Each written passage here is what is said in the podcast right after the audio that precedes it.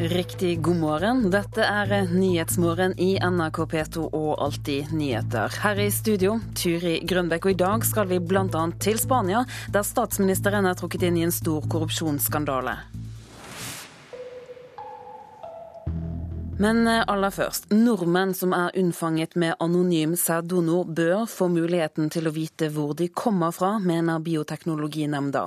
De vil ha et register der de mange tusen donorbarna i Norge kan finne sine halvsøsken eller sin biologiske far. Du kan ta et nummer. Her er også uten nummer, som vi ikke har funnet nå.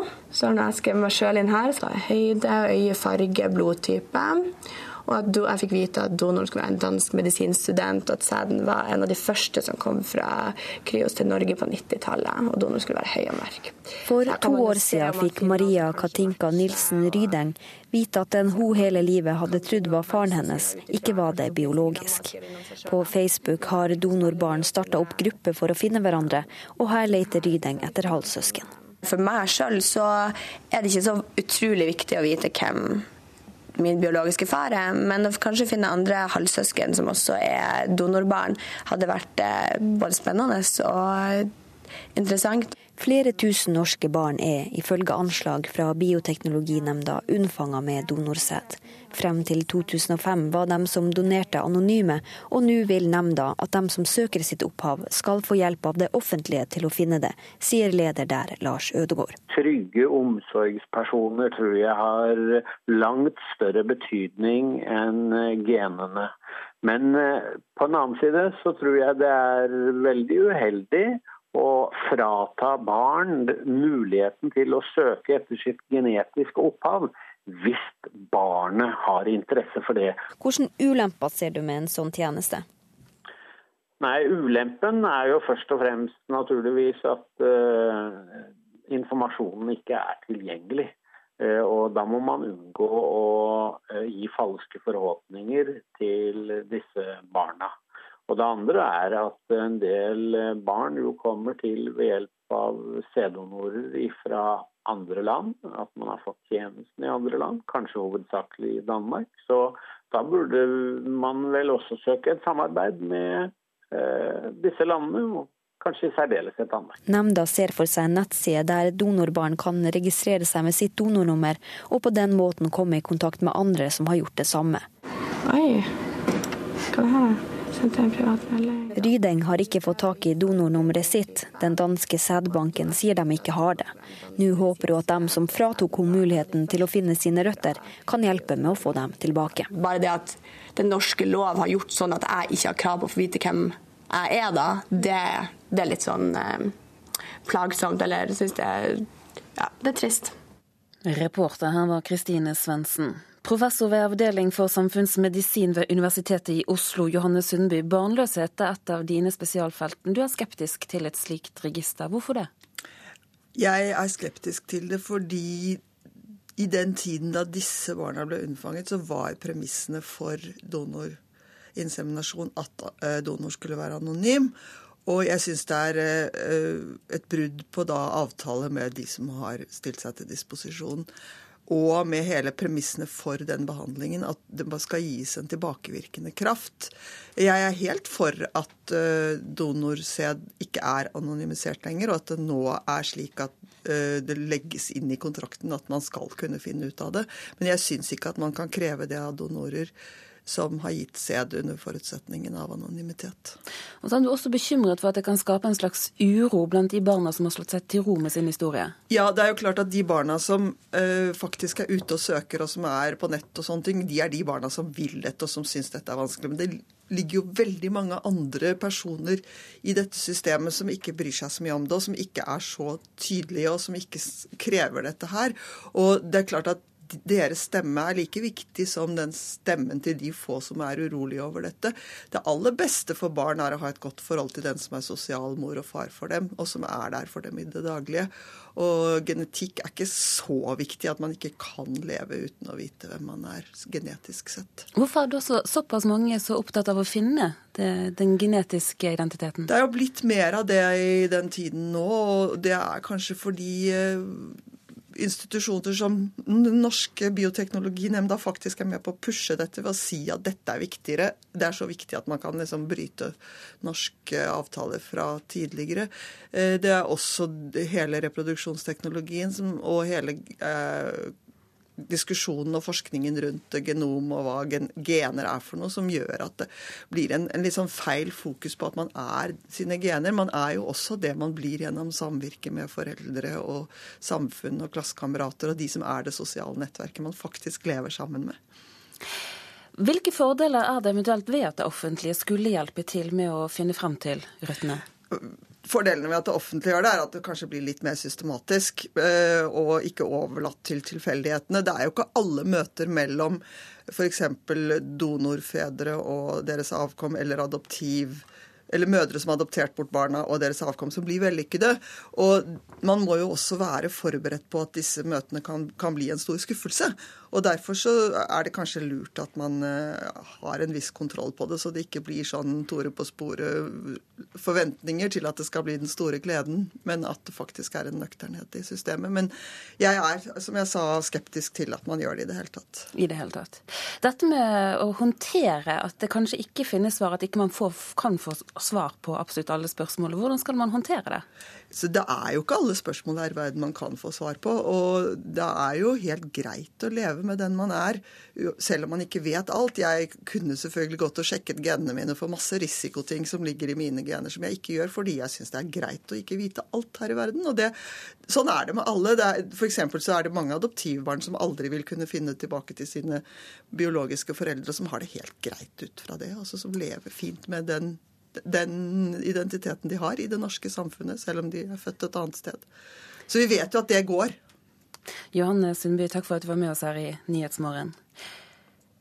Det kan bli vanskelig for kommunene å gi ut startlån nå for unge som vil kjøpe bolig. Husbanken har skjerpet regler. Snart er det ikke lenger mangel på egenkapital som er grunn nok god nok til å få startlån. Likevel velger noen kommuner å gi startlån til unge, til glede for mange. Drømmehuset er trygt, barnevennlig og mitt. Siri Giel fra Florø sitter på kjøkkenet i ei toromsleilighet hun leier. Hun drømmer om å kjøpe seg hus, men som fulltidsstudent de siste åra har hun ikke klart å spare opp egenkapital, og nå har hun fått avslag på lån i banken.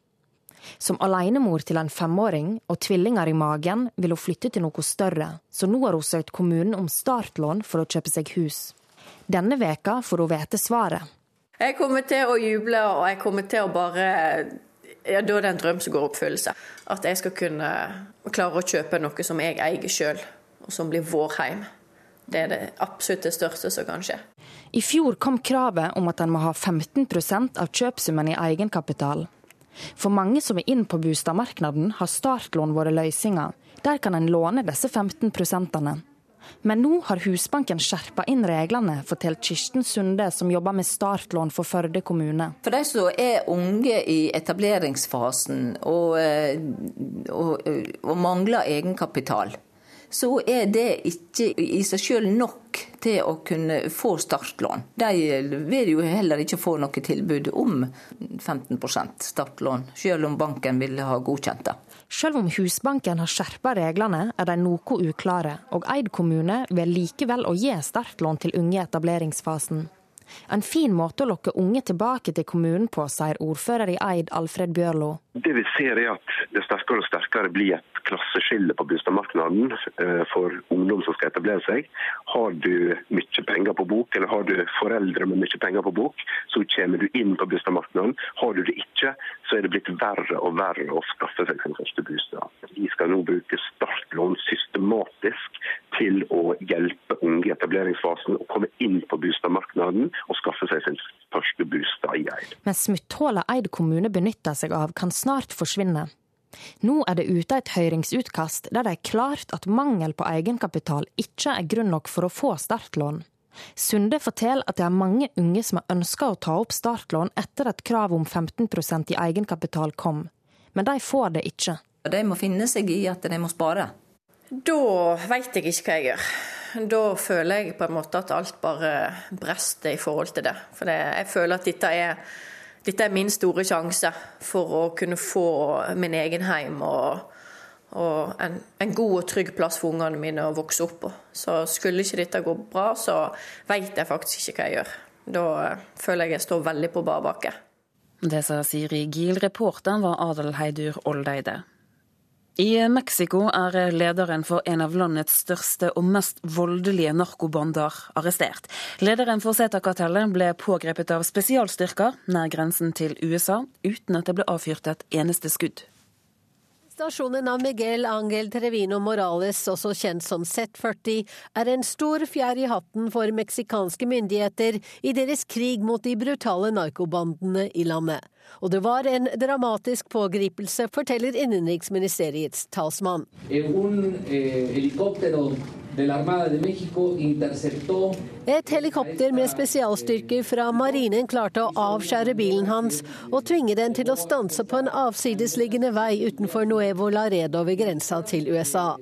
Morales og to medhjelpere ble arrestert, og sammen med dem ble det funnet to millioner dollar i kontanter, åtte store våpen og ammunisjon. Men ikke et eneste skudd ble avfyrt, sier Eduardo Sanchez. Pågripelsen skjedde natt til i går lokal tid, men ble først offentliggjort for få timer siden.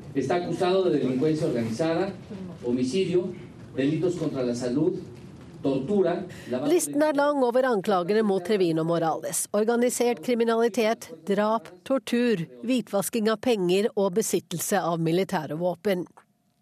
Trevino Morales er bl.a. mistenkt for å ha gitt ordre om å drepe 72 fattige arbeidssøkere i august 2010. CETA-kartellet ble grunnlagt av tidligere soldater og regnes som en av Mexicos mektigste kriminelle organisasjoner. Medlemmene er beryktet for sin brutalitet og har hundrevis, om ikke tusenvis, av liv på samvittigheten. Amerikanske myndigheter har utlovet en dusør på 30 millioner kroner for opplysninger som kunne føre til pågripelsen av Miguel Trevino Morales. Det sa utenriksmedarbeider Wenche Eriksen. Klokken er 7.15. Du lytter til Nyhetsmorgen i NRK P2 og Alltid nyheter. Akkurat nå er dette hovedsakene våre. Donorbarn bør få hjelp av det offentlige til å finne sine røtter. Det mener Bioteknologinemnda. Som vi hørte, lederen for en av Mexicos største og mest voldelige narkobander er arrestert. Og bli med oss videre i sendingen, for det brukes altfor mye penger på unyttig kunst i Forsvaret. Det mener Fremskrittspartiet.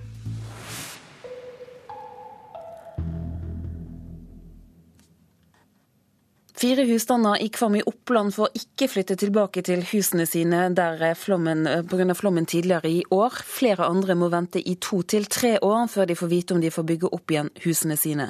Fortsatt er 20 familier husløse etter flommen. De bor både på campingplasser og i hytter, og flere får nå ikke flytte hjem. Det er klart etter at NVE mandag ga Nord-Fron kommune beskjed om hvilke områder i Kvam sentrum som berøres av en ny sikringssone, skriver Aftenposten. Sikringsarbeidet vil ta to til tre år, og før den tid skal ikke noe av verdi bygges opp igjen.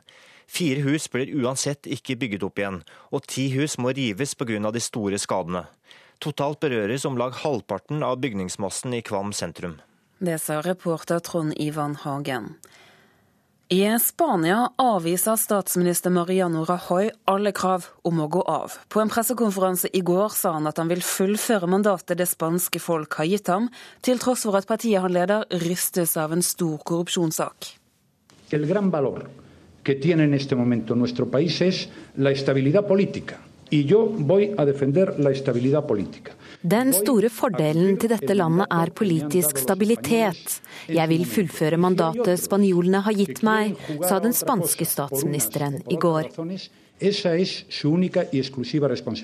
Det har blåst kraftig rundt Mariano Rajoy den siste tiden. Det har lenge vært kjent at partiet hans, Partido Popular, blir etterforsket for en korrupsjonsskandale. Men nå blir statsministeren selv dratt mer og mer inn. Partiets tidligere kasserer Luis Varcenas sitter varetektsfengslet. Han er beskyldt for å ha tatt imot penger fra det private næringslivet, og så gitt pengene videre til partitopper. Statsministeren har hele veien forsøkt å distansere seg fra den tidligere kassereren. Men nå har Varsenas lagt fram regnskapsutskrifter som tilsynelatende viser at Rajoy har fått utbetalinger. I tillegg har Varsenas vist frem flere SMS-er hvor statsministeren sier at de gjør det de kan for ham. Varsenas er med andre ord lei av at han må ta skylda for det han mener store deler av partiet har vært med på. Han sier han sitter på nok informasjon til å felle regjeringen. Det sa reporter Guri Nordstrøm. Førsteamanuensis ved Universitetet i Tromsø, Markus Buch. Kan denne korrupsjonsskandalen felle regjeringen i Spania? Den kan ikke felle regjeringen, eh, fordi at eh, partiet har absolutt flertall i parlamentet, og det vil ikke gi fra seg. Eh, det som kan skje, er at Rajoy blir bedt om å tre til side, og en annen person i partiet overtar som statsminister. Og Det er også det det største opposisjonspartiet, Sosialistpartiet, ber om. Hvor alvorlig er eh, denne saken? Den er litt merkelig. Eh, det er ingen som stoler på Barcenas i det hele tatt. Eh, verken i opposisjonen eller i partiet. Og Det er også ganske mange som tviler på at Rajoy sjøl skal ha mottatt penger i konvolutter, altså kontanter, på denne måten. Det ville være altfor tåpelig. Det han derimot beskyldes for, det er å vakle. Man pleier å si at Rajoy er fra Galicia, og galiciere er slik at når du møter dem i en trapp, så vet du ikke om de er på vei opp eller ned. Eh, og Det er akkurat der eh, kjernen ligger. At han ikke viser handlekraft, at han nøler, at han har sendt SMS-er med støtteerklæringer osv. Det er der problemet ligger. Så stemningen i regjeringspartiet nå, da, hvordan er den? Ja, Den er jo dårlig, men det har den vært veldig lenge. og De gjør alt de kan for å si at eh, Barcenas uh, har ikke legitimitet i det han sier. Men så må vi huske på det at uh, partiet er splittet. De to store konservative avisene, ABC og El Mundo, de støtter hver sin fraksjon i partiet. Og El Mundo de er nå vendt seg helt mot Rajoy. Så man har på en måte fått en intern opposisjon. Du, dette skjer samtidig som eh, Spania prøver å redde landet fra hva skal vi si, økonomisk krise. Hva slags rolle spiller tidspunktet her? Eh, det er akkurat det som er det store problemet. Altså, det er få som tror at eh, Rajoy er en skurk. Men han viser for dårlig handlekraft. Og symbolsk sett, når man skal prøve å rydde opp i økonomien, så mener opposisjonen at han ikke har legitimitet. Og det mener alle opposisjonspartiene. Til tross for alt dette, så er fremdeles regjeringspartiet det største partiet i Spania. Hvorfor det? Det har vært et mysterium som man har forsket på i Spania over de siste 20 år. Hvorfor er det slik at korrupsjonsskandaler ikke fører til slitasje hos eh, velgerne? Nå har riktignok eh, partiet mistet veldig stor oppslutning, og de to store partiene er blitt eh, mellomstore partier. Og mange av de som tidligere var bitte små, er blitt ganske store. Så hele partisystemet i Spania er i endring. Hvor, hvor, hvor unik er akkurat denne korrupsjonsskandalen? Eh, den er ikke spesielt unik. Eh, partiene har finansiert seg på ulike måter opp gjennom historien. I tillegg så er jo Barcenas eh, involvert i en helt annet og, langt mer alvorlig korrupsjonssak som heter Gortel. Så Det finnes ingenting unikt ved dette. her. Og Det store problemet i Spania er at folk ikke har tillit til den politiske klassen. For øvrig på samme måte som Italia og Hellas. Er det noen grunn til å tro at det forholdet kommer til å bli bedret med det første? Nei, overhodet ikke. Eh, det man har gjort i Spania helt siden eh, demokratiet kom, at folk har skjønt at politikerne kanskje ikke var helt til å stole på, den politiske klassen ikke å stole på. Men så lenge økonomien gikk bra, så har man sett gjennom fingrene med det. Litt sånn som at eh, når det regner på presten, så drypper det på klokkeren. Markus Buch ved Universitetet i Tromsø, takk skal du ha. I Italia krever statsminister Enrica Letta en slutt på rasistiske angrep på landets første svarte statsråd, integrasjonsminister Cecil Kienge. Blant annet har en ledende politiker i høyrepartiet, Lega Nord, hevdet i en tale at Kienge så ut som en orangutang. Hun har også tidligere mottatt en rekke andre trusler pga. hudfargen sin. Statsministeren krever nå at Lega Nord tar et oppgjør med de rasistiske holdningene i partiet. Hittil i år har ti personer omkommet i ulykker med fritidsbåter her i Norge. Bare to av dem brukte redningsvest. Sjøfartsdirektoratet mener mange dødsulykker kunne vært forhindret dersom båtfolket var flinkere til å bruke vest. For Arvid Nygaard og familien fra Stavanger er redningsvest en selvfølge. Nei, Redningsvest har vi alltid når vi er seiler. Om bord i seilbåten til familien Nygård fra Stavanger er det ikke bare de tobeinte som har på seg redningsvest. Også skipshunden Chess er sikker på sjøen. Så eh, Det er for sikkerhets skyld. Og Det er fort gjort at det kan skje en, en endring som gjør at du ikke har kontroll, og da er det greit å ha redningsvest på seg. Inni her så er det da flyteelementer gjemt bak en borrelås. Og denne her er selvutløsende. Det ligger en CO2-patron inni flytevesten. Enkel å ta på, likevel slurver mange med bruken av redningsvest på sjøen. Kun to av ti omkomne i fritidsbåter i Norge hittil i år hadde på seg vest. Jeg tenker at Det er jo alvorlig at folk ikke bruker vest når de er om bord i fritidsbåt. Ja, må det en holdningsendring til hos båtfolket? Jeg tror nok at det må en holdningsendring til hos spesielt en gruppe, som er menn over 40 år. Eh, som gjerne tror de er verdensmestere, inntil det motsatte blir bevist. Det sier fungerende kommunikasjonsdirektør i Sjøfartsdirektoratet, Steinar Haugberg.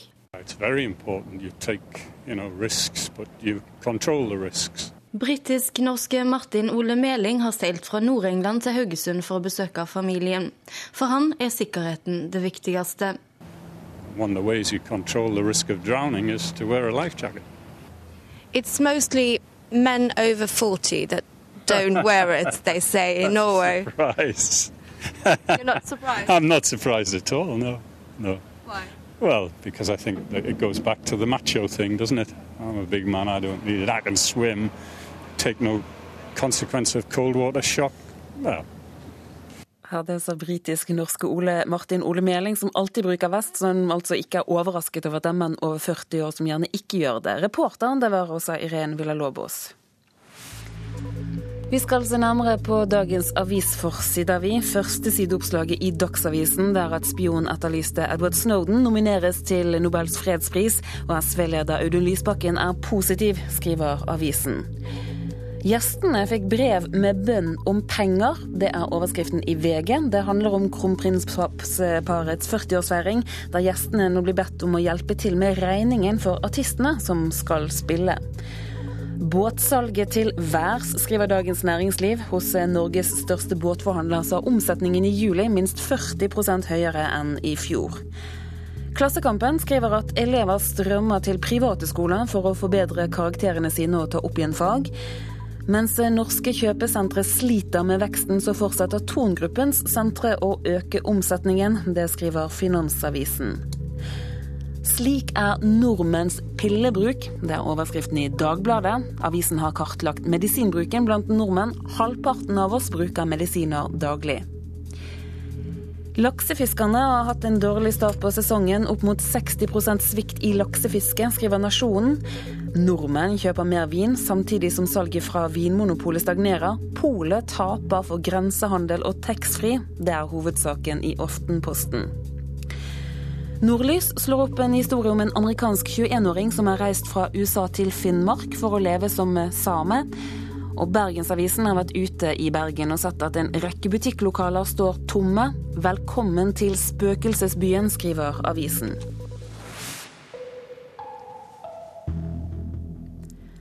Det brukes altfor mye penger på kunst i Forsvaret. Det mener tidligere befal og medlem i forsvarskomiteen for Fremskrittspartiet, Peter N. Myhre.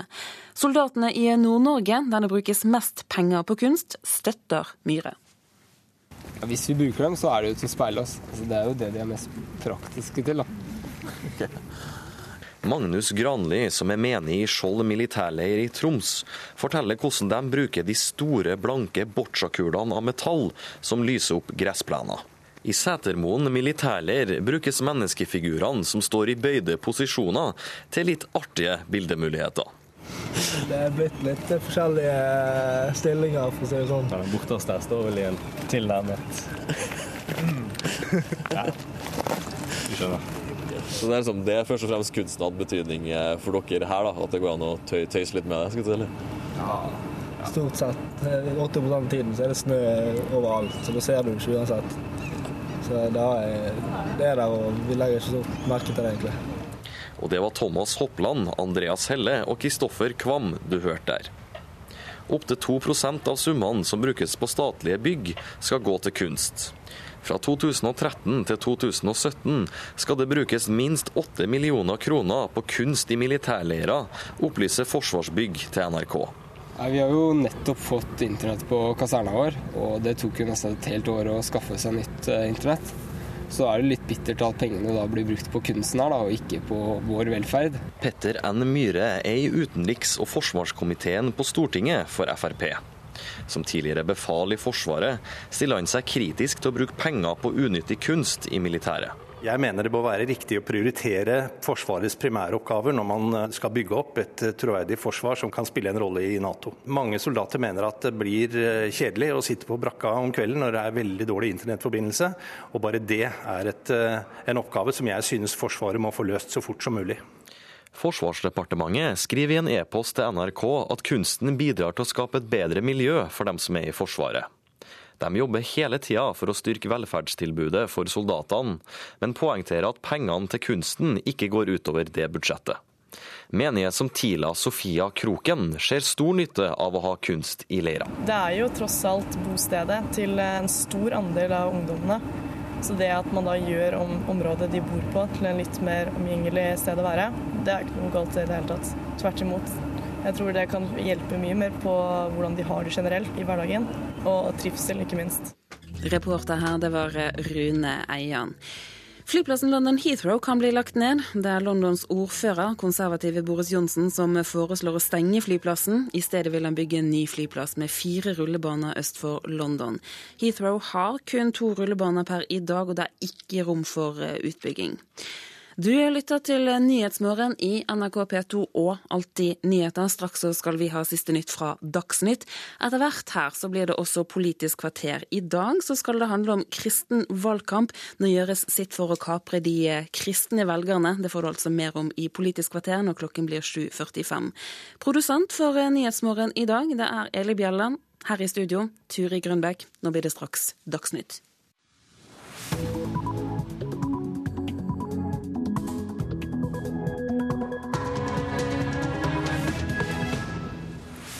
Nyhetsmorgen fortsetter nå med bl.a. disse hovedsakene. Minst 22 personer er skadet i sammenstøt i Kairo i natt. Donorbarn bør få hjelp av det offentlige til å finne sine røtter, mener Bioteknologinemnda. Og narkobaron er arrestert i Mexico. Dette er saker du får med oss frem mot klokken ni. Vi skal til Egypt nå, for det har altså vært flere sammenstøt mellom demonstranter og politi i natt. Uroen skjedde i sentrum av den egyptiske hovedstaden. Og med oss fra Kairo, Midtøsten-korrespondent Sigurd Falkenberg Mikkelsen, hva er det som har skjedd i natt? Jo, Det har vært en, eh, nok en urolig eh, natt her. Eh, jeg trakk meg tilbake sånn en stund etter midnatt, og da var det fortsatt tungt med tåregass i sentrum av Kairo. Og det var også meget aggressivt i noen av gatene. Det som eh, skjedde, var at eh, Det muslimske brorskapet arrangerte en eh, stor demonstrasjon i, på Ramsesplassen, som er en av de viktigste trafikknutepunktene i byen, og sa altså at de ville blokkere trafikken. Deretter grep politiet inn. Det ble brukt mye tåregass. Etter hvert ble det også skutt med haglegevær, så vidt jeg forstår. Eh, og en del av innbyggerne, de lokale innbyggerne i området blandet seg også inn i eh, urolighetene. Sånn at det var en, eh, nok, nok en natt med uro. og det jeg har hørt av tall, er i hvert fall fra brorskapets del, sier at to mennesker er drept. Vi har også hørt at 40 er arrestert. Men hvorfor fortsetter demonstrasjonene? Eh, jeg tror ikke dette er tilfeldig fra brorskapets eh, side. De annonserte som sagt dette på eh, forhånd, at de ville ha disse, prøve å sperre veier og, og skape, skape, uro. Jeg tror det er flere grunner til det. Altså, de har denne store demonstrasjonen, protestleiren sin ute i Raba-moskeen, ute i Nasser-byen i Kairo. Uh, internt så tror jeg det er, uh, har brorskapet behov for det. Uh, de skaper et trykk i organisasjonen. De har en ytre fiende, og det er med på å holde organisasjonen sammen. Dette er jo en krisetid for brorskapet. Eh, dette, eh, denne maktovertagelsen og avsettelsen av Morsi kom veldig brått på dem. Eh, og Med å skape så mye demonstrasjoner, så er det også med på å, å, å holde organisasjonen samlet, og kanskje unngå at det stilles for mange ubehagelige spørsmål internt om hvorfor dette skjedde. Så er de da tilbake i en, en sånn offerposisjon i en kamp mot militærmyndighetene og politimyndighetene, og dette er kjent territorium for brorskapet.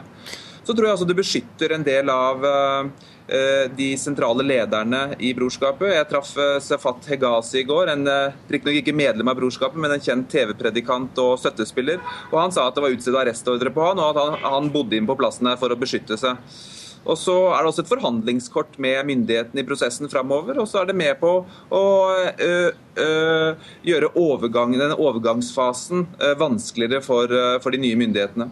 Men Samtidig så er den amerikanske viseutenriksministeren i Egypt og har bl.a. sagt at USA ikke kommer til å støtte noens side i Egypt. Hva mer har kommet frem i dette møtet?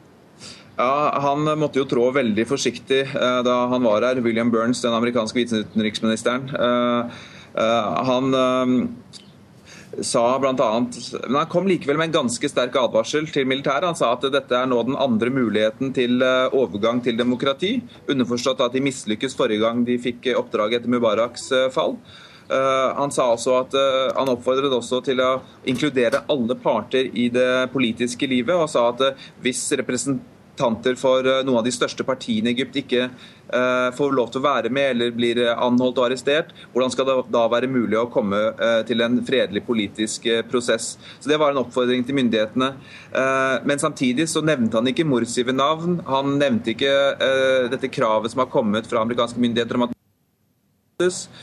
Sånn at de prøver å balansere denne situasjonen. og Amerikanerne er jo presset fra både Det muslimske brorskapet på den ene siden, men også særlig fra alle de andre som var i gatene mot Morsi, som føler at amerikanerne støtter brorskapet. Så amerikanerne prøver å gå en balansegang her. og Dette var det første besøket etter Morsis avsettelse. og Det er ennå ikke kommet noen detaljer i akkurat konkret hva de diskuterte, men offentlig så er det i hvert fall det som er budskapet. Sigurd Falkenberg Mikkelsen, takk skal du ha. Nordmenn unnfanget med anonym sæddonor bør kunne få vite hvor de kommer fra. Det mener Bioteknologinemnda. De vil ha et register der de mange tusen donorbarna i Norge kan finne sine halvsøsken eller den biologiske faren sin.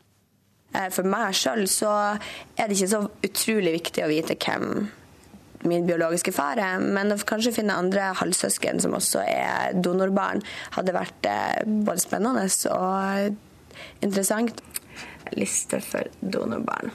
For to år siden fikk Maria Katinka Nilsen Rydeng vite at den hun hele livet hadde trodd var faren hennes, ikke var det biologisk. På Facebook har donorbarn starta opp grupper for å finne hverandre, og her leter Rydeng etter halvsøsken. Er vi noe like, liksom? Har vi noe likhetstrekk i ansiktet, eller væremåte eller talemåte? Flere tusen norske barn er, som Rydeng, unnfanga med donorsæd. Frem til 2005 var de som donerte anonyme, og nå vil Bioteknologinemnda at de som søker sitt opphav, skal få hjelp av det offentlige til å finne det, sier leder der Lars Ødegård. Trygge omsorgspersoner tror jeg har langt større betydning enn genene. Men eh, på en annen side så tror jeg det er veldig uheldig å frata barn muligheten til å søke etter sitt genetiske opphav hvis barnet har interesse for det. Her er også uten nummer, som vi ikke har funnet nå. Så har jeg skrevet meg selv inn her. Rydeng har ikke fått tak i donornummeret sitt. Den danske sædbanken sier de ikke har det.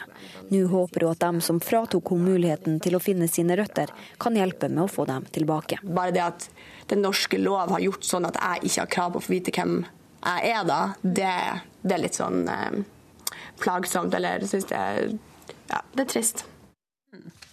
En reporter i denne saken det var Kristine Svendsen. Renate Korsus, du er eh, styreleder i Ønskebarn, Norsk forening for fertilitet og barnløshet. Fors dette forslaget om register, hva synes dere om det? Eh, først og fremst vil jeg si at eh, forskning viser at barn som er unnfanga med donor, ikke på noen måte har det vanskeligere enn andre barn. Og vi tror at det sosiale foreldreskapet og miljøet som barna vokser opp i, er det viktigste, og at det er det som i hovedsak er med på å forme barnas oppvekst og identitet og trygghet. Eh, når det gjelder dette med et register, så vil jeg understreke at Bioteknologinemnda har bedt om en utredning av en sånn tjeneste. Og eh, det syns vi godt at de kan gjøre. Eh, men en sånn utredning eh, av en sånn tjeneste krever selvsagt at det blir en grundig debatt og gjennomgang av hvordan denne tjenesten skal fungere, i tilfelle. Men dere er positive til at man finner ut av både fordeler og ulempene eventuelt? Ja, selvsagt så må jo eh, fordeler og ulemper settes opp mot hverandre. Det er jo uten tvil både fordeler og ulemper med dette. Eh, tidligere i dag så har vi jo hørt eh, Johannes Syndby nevne eh, noen, eh, noen, punkt som eh, kan tale mot et sånt et register. Eh, og det gjelder dette med de donorene som ga eh, sæd før 2005. Eh, de har jo rett på den anonymiteten som de ble lova, eller som var premissene for den tjenesten de ga da. Det er en utfordring for anonymiteten, men dere mener også at det er viktig å være åpen, at foreldre forteller barna hvordan de blir til. Hvorfor er det så viktig? Vi tror det skaper trygghet i familiene. I det arbeidet med et sånt register, så tror vi òg det er veldig viktig at eh, myndighetene samtidig legger til rette for at er informasjon om donorprosesser, det å bestemme seg for bruk av donor, hvordan man forbereder seg på det, og ikke minst hvordan man kan fortelle det til barna sine, blir så god og opplysende som mulig for de kommende foreldrene. Det er viktig at eh, foreldre som vurderer å bruke donor, får veiledning om hvordan man kan snakke med barna sine om det. Eh, og det å vite eh, tror vi kanskje er det viktigste for mange barn. At barna har det bra med å være donorbarn, men utfordringene de møter, går kanskje på det at de ikke har blitt fortalt. Sånn at det er åpenhet i familiene hvor donor vurderes eller har blitt brukt, tror vi er en veldig viktig del av eh, hele denne pakka som Bioteknologinemnda har eh, anmoda myndighetene om. Men, men, dette med identitet, hva slags utfordringer ligger det her i å snakke om det og donor? Eh, som, som jeg innleda med, så så er vi opptatt av og tror på at det eh, sosiale foreldreskapet er det viktigste. At genene nødvendigvis ikke er det som eh, gjør oss til de vi er. Men nå er det noe sånn at eh, noen er veldig opptatt av eller ønsker å finne ut hvor de kommer fra. og da i en familiesituasjon hvor man har brukt donor, så tror vi at det at man er åpne med barna sine fra starten av eh, i forhold til bruk av donor, og eh, gir trygghet for barna. Vi må si takk der, Renate Korsus, for at du kom hit, styreleder i Ønskebarn. Vi skal til Mexico nå, for lederen for en av landets største og mest voldelige narkobander er arrestert. Lederen for Zeta-kartellet ble pågrepet av spesialstyrker nær grensen til USA, men uten at det ble avfyrt et eneste skudd. Arrestasjonen av Miguel Angel Trevino Morales, også kjent som Z40, er en stor fjær i hatten for meksikanske myndigheter i deres krig mot de brutale narkobandene i landet. Og det var en dramatisk pågripelse, forteller innenriksministeriets talsmann. Eh, et helikopter med spesialstyrker fra marinen klarte å avskjære bilen hans og tvinge den til å stanse på en avsidesliggende vei utenfor Nuevo Laredo ved grensa til USA. Morales og to medhjelpere ble arrestert, og sammen med dem ble det funnet to millioner dollar i kontanter, åtte store våpen og ammunisjon. Men ikke et eneste skudd ble avfyrt, sier Eduardo Sanchez. Pågripelsen skjedde natt til i går lokal tid, men ble først offentliggjort for få timer siden.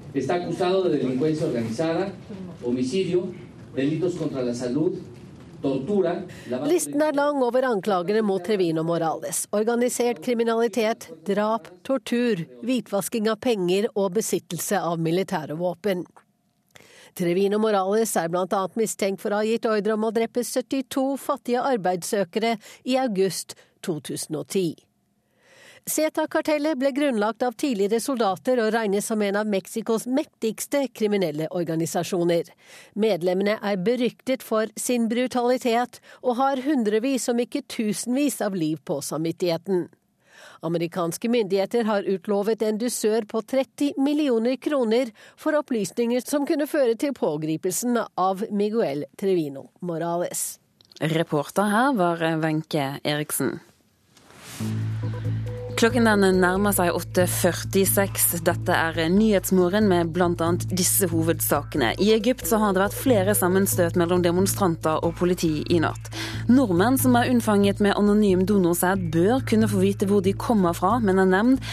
Og bli med oss videre i sendingen og hør Fremskrittspartiet og SV som er sterkt uenig om Edward Snowden er verdig en nominasjon til Nobels fredspris. Av den nominasjonen den ble klar i går, den at varsleren Edward Snowden er nominert til fredsprisen. Og i Dagsavisen i dag så kan vi lese om SV-leder Audun Lysbakken, som er, synes det er positivt og spennende at Snowden er nominert. Audun Lysbakken, hvorfor det?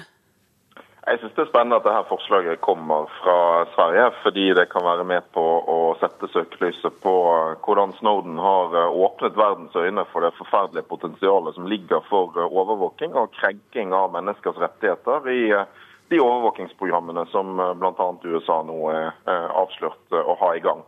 Og Så mener jeg at det er spennende hvis Nobelkomiteen vurderer det seriøst. For jeg synes at Snowden en mann som, eh, som, fortjener støtte, og varslere fortjener eh, internasjonal solidaritet. Hvorfor fortjener varslere internasjonal solidaritet når det gjelder slike saker?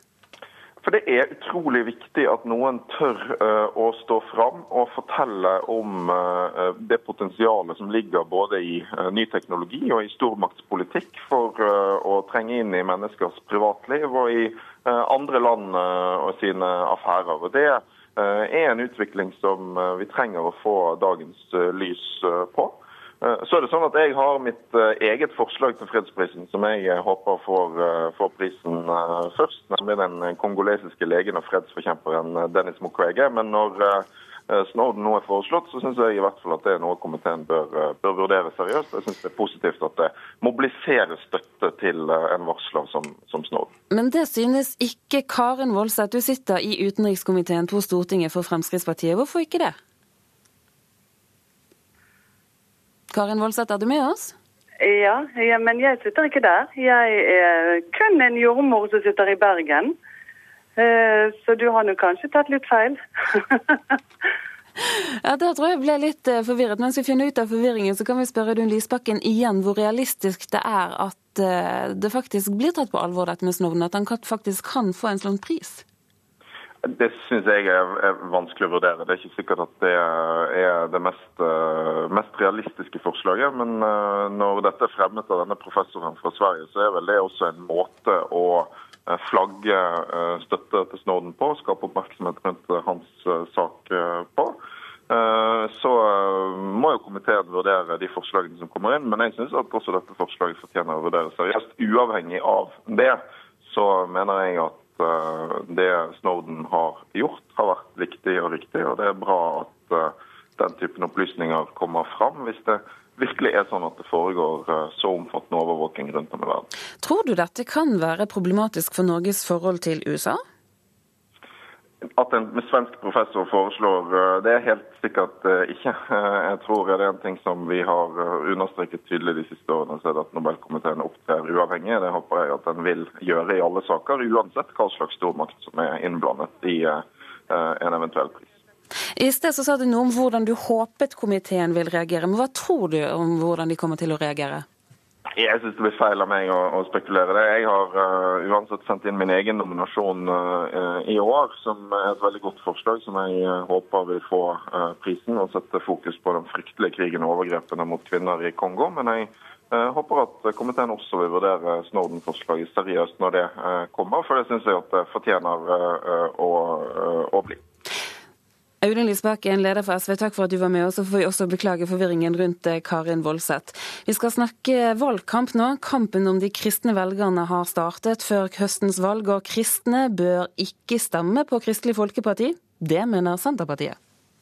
Det er fordi at vi representerer et regjeringsalternativ som i sum står for langt mer av KrF sine kjerneverdier enn de noen gang kan drømme om å oppnå i lag med Fremskrittspartiet. Magnhild Meltveit Kleppa fra Senterpartiet. Det er ganske desperat det Senterpartiet vil gi seg ut på nå, og si at en stemmer på KrF, en stemmer på Frp.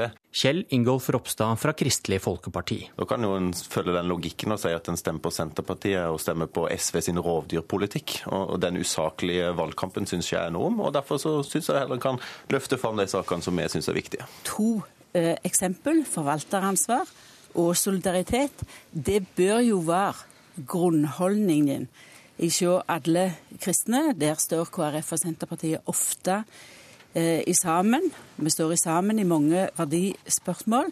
Men når KrF nå stiller opp for Fremskrittspartiet, enten i lag med Fremskrittspartiet i regjering, eller som støttespiller fra Stortinget, da mener jeg kristne velgere bør tenke seg veldig godt om hvem de nå støtter. For meg så blir det litt desperat. Altså, Jeg er selv kristen, og jeg føler jeg har et godt forvalteransvar og utøver solidaritet. Og Ketil Solvik-Olsen fra Fremskrittspartiet. Men det betyr ikke at jeg må stemme SV eller Senterpartiet av den grunn. Jeg er veldig bekvem i Fremskrittspartiet. Og jeg merker jo òg at når jeg reiser rundt, så treffer jeg veldig mye kristne velgere som føler seg veldig hjemme i, i Fremskrittspartiet, og som på ingen måte syns at de rød-grønne partiene ivaretar deres verdisyn.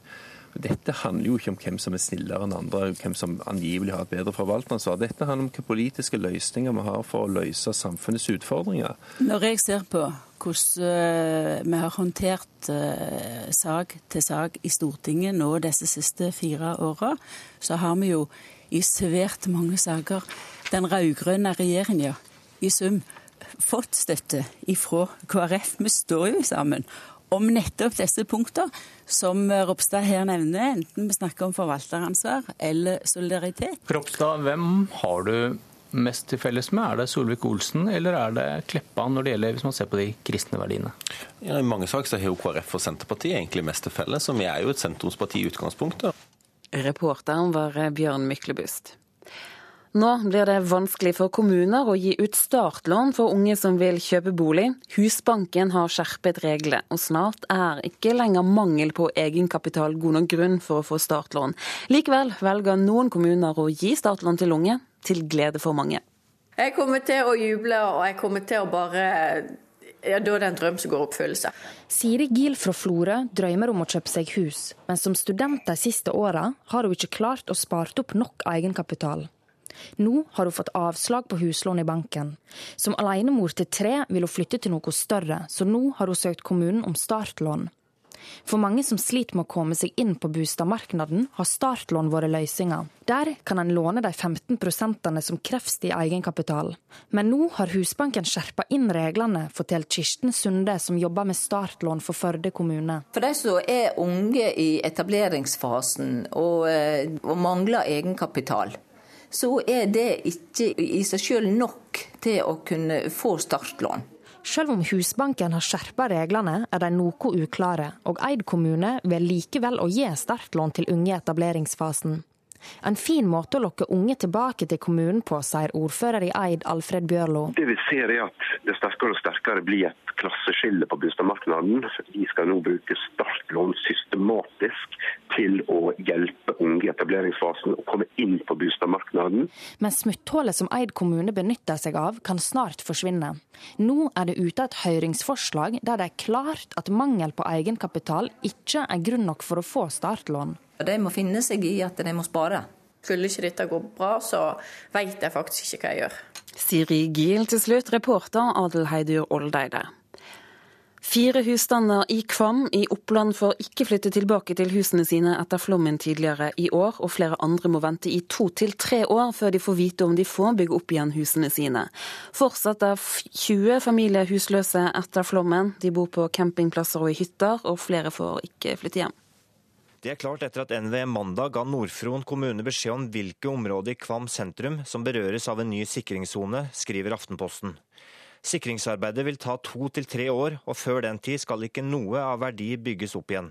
Fire hus blir uansett ikke bygget opp igjen, og ti hus må rives pga. de store skadene.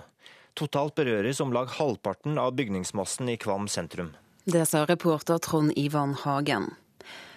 Forskere skal snu Nav-metoder på hodet for å få flere ut i jobb.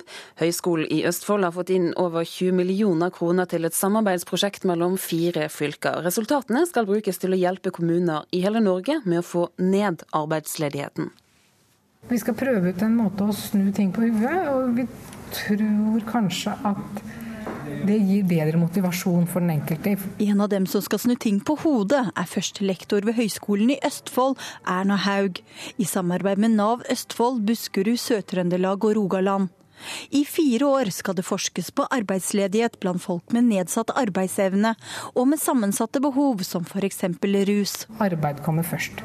Sånn at, eh, at, når eh, en arbeidssøker eh, kommer til en Nav-veileder, som er i dette prosjektet, da, så vil Nav-veilederen sammen med arbeidssøkeren eh, finne ut altså, hva slags ferdigheter har du, hva er det du kan, eh, hva slags type arbeid er det du ønsker. Og så uh, må vi etablere et, uh, et, nettverk med arbeidslivet, sånn at vi har en bank med arbeidsgivere som er villige til å ta imot disse folka, og så går de rett ut i arbeid. Noe av ideen med prosjektet, som har en prislapp på 22 millioner kroner, er å utveksle kunnskap til alle landets kommuner, slik at man kan lære av hverandre. Dette er viktig, sier Haug. Man ønsker jo å ha flest folk ut i arbeid, og at det handler om folkehelse, rett og slett.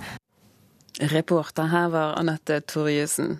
Vi skal ta med et værvarsel vi som gjelder frem til midnatt. og Vi starter med fjellet i Sør-Norge. Der blir det vestlig frisk bris og litt regn, vesentlig i vestlige og nordlige områder. Det blir perioder med sol i øst.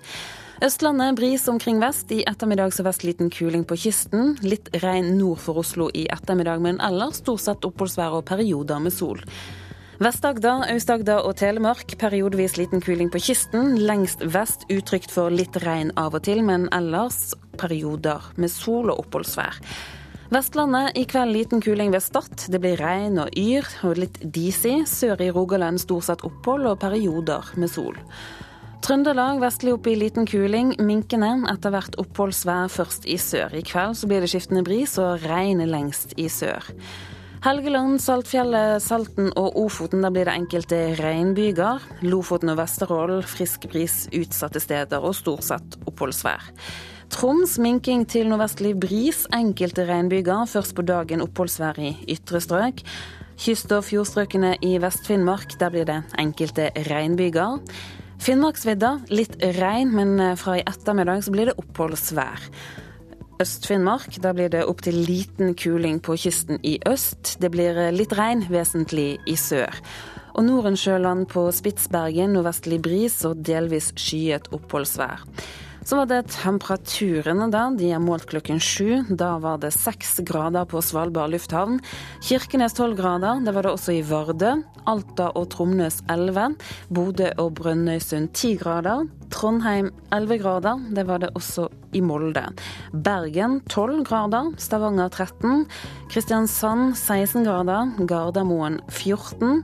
Lillehammer 10 grader, Røros 6 grader og Oslo-Blinde, der var det 14 grader klokken 7 i dag morges. Og du lytter altså til Nyhetsmorgen i NRK P2 og Alltid nyheter. Det er eh, Hans Jørgen Solli som har ansvaret for nyhetssendingene denne morgenen. Produsent for Nyhetsmorgen det er Eli Bjelland. Lars Tronsmoen har hatt ansvaret for alt som handler om teknikk. Her i studio, Turi Grønbøk.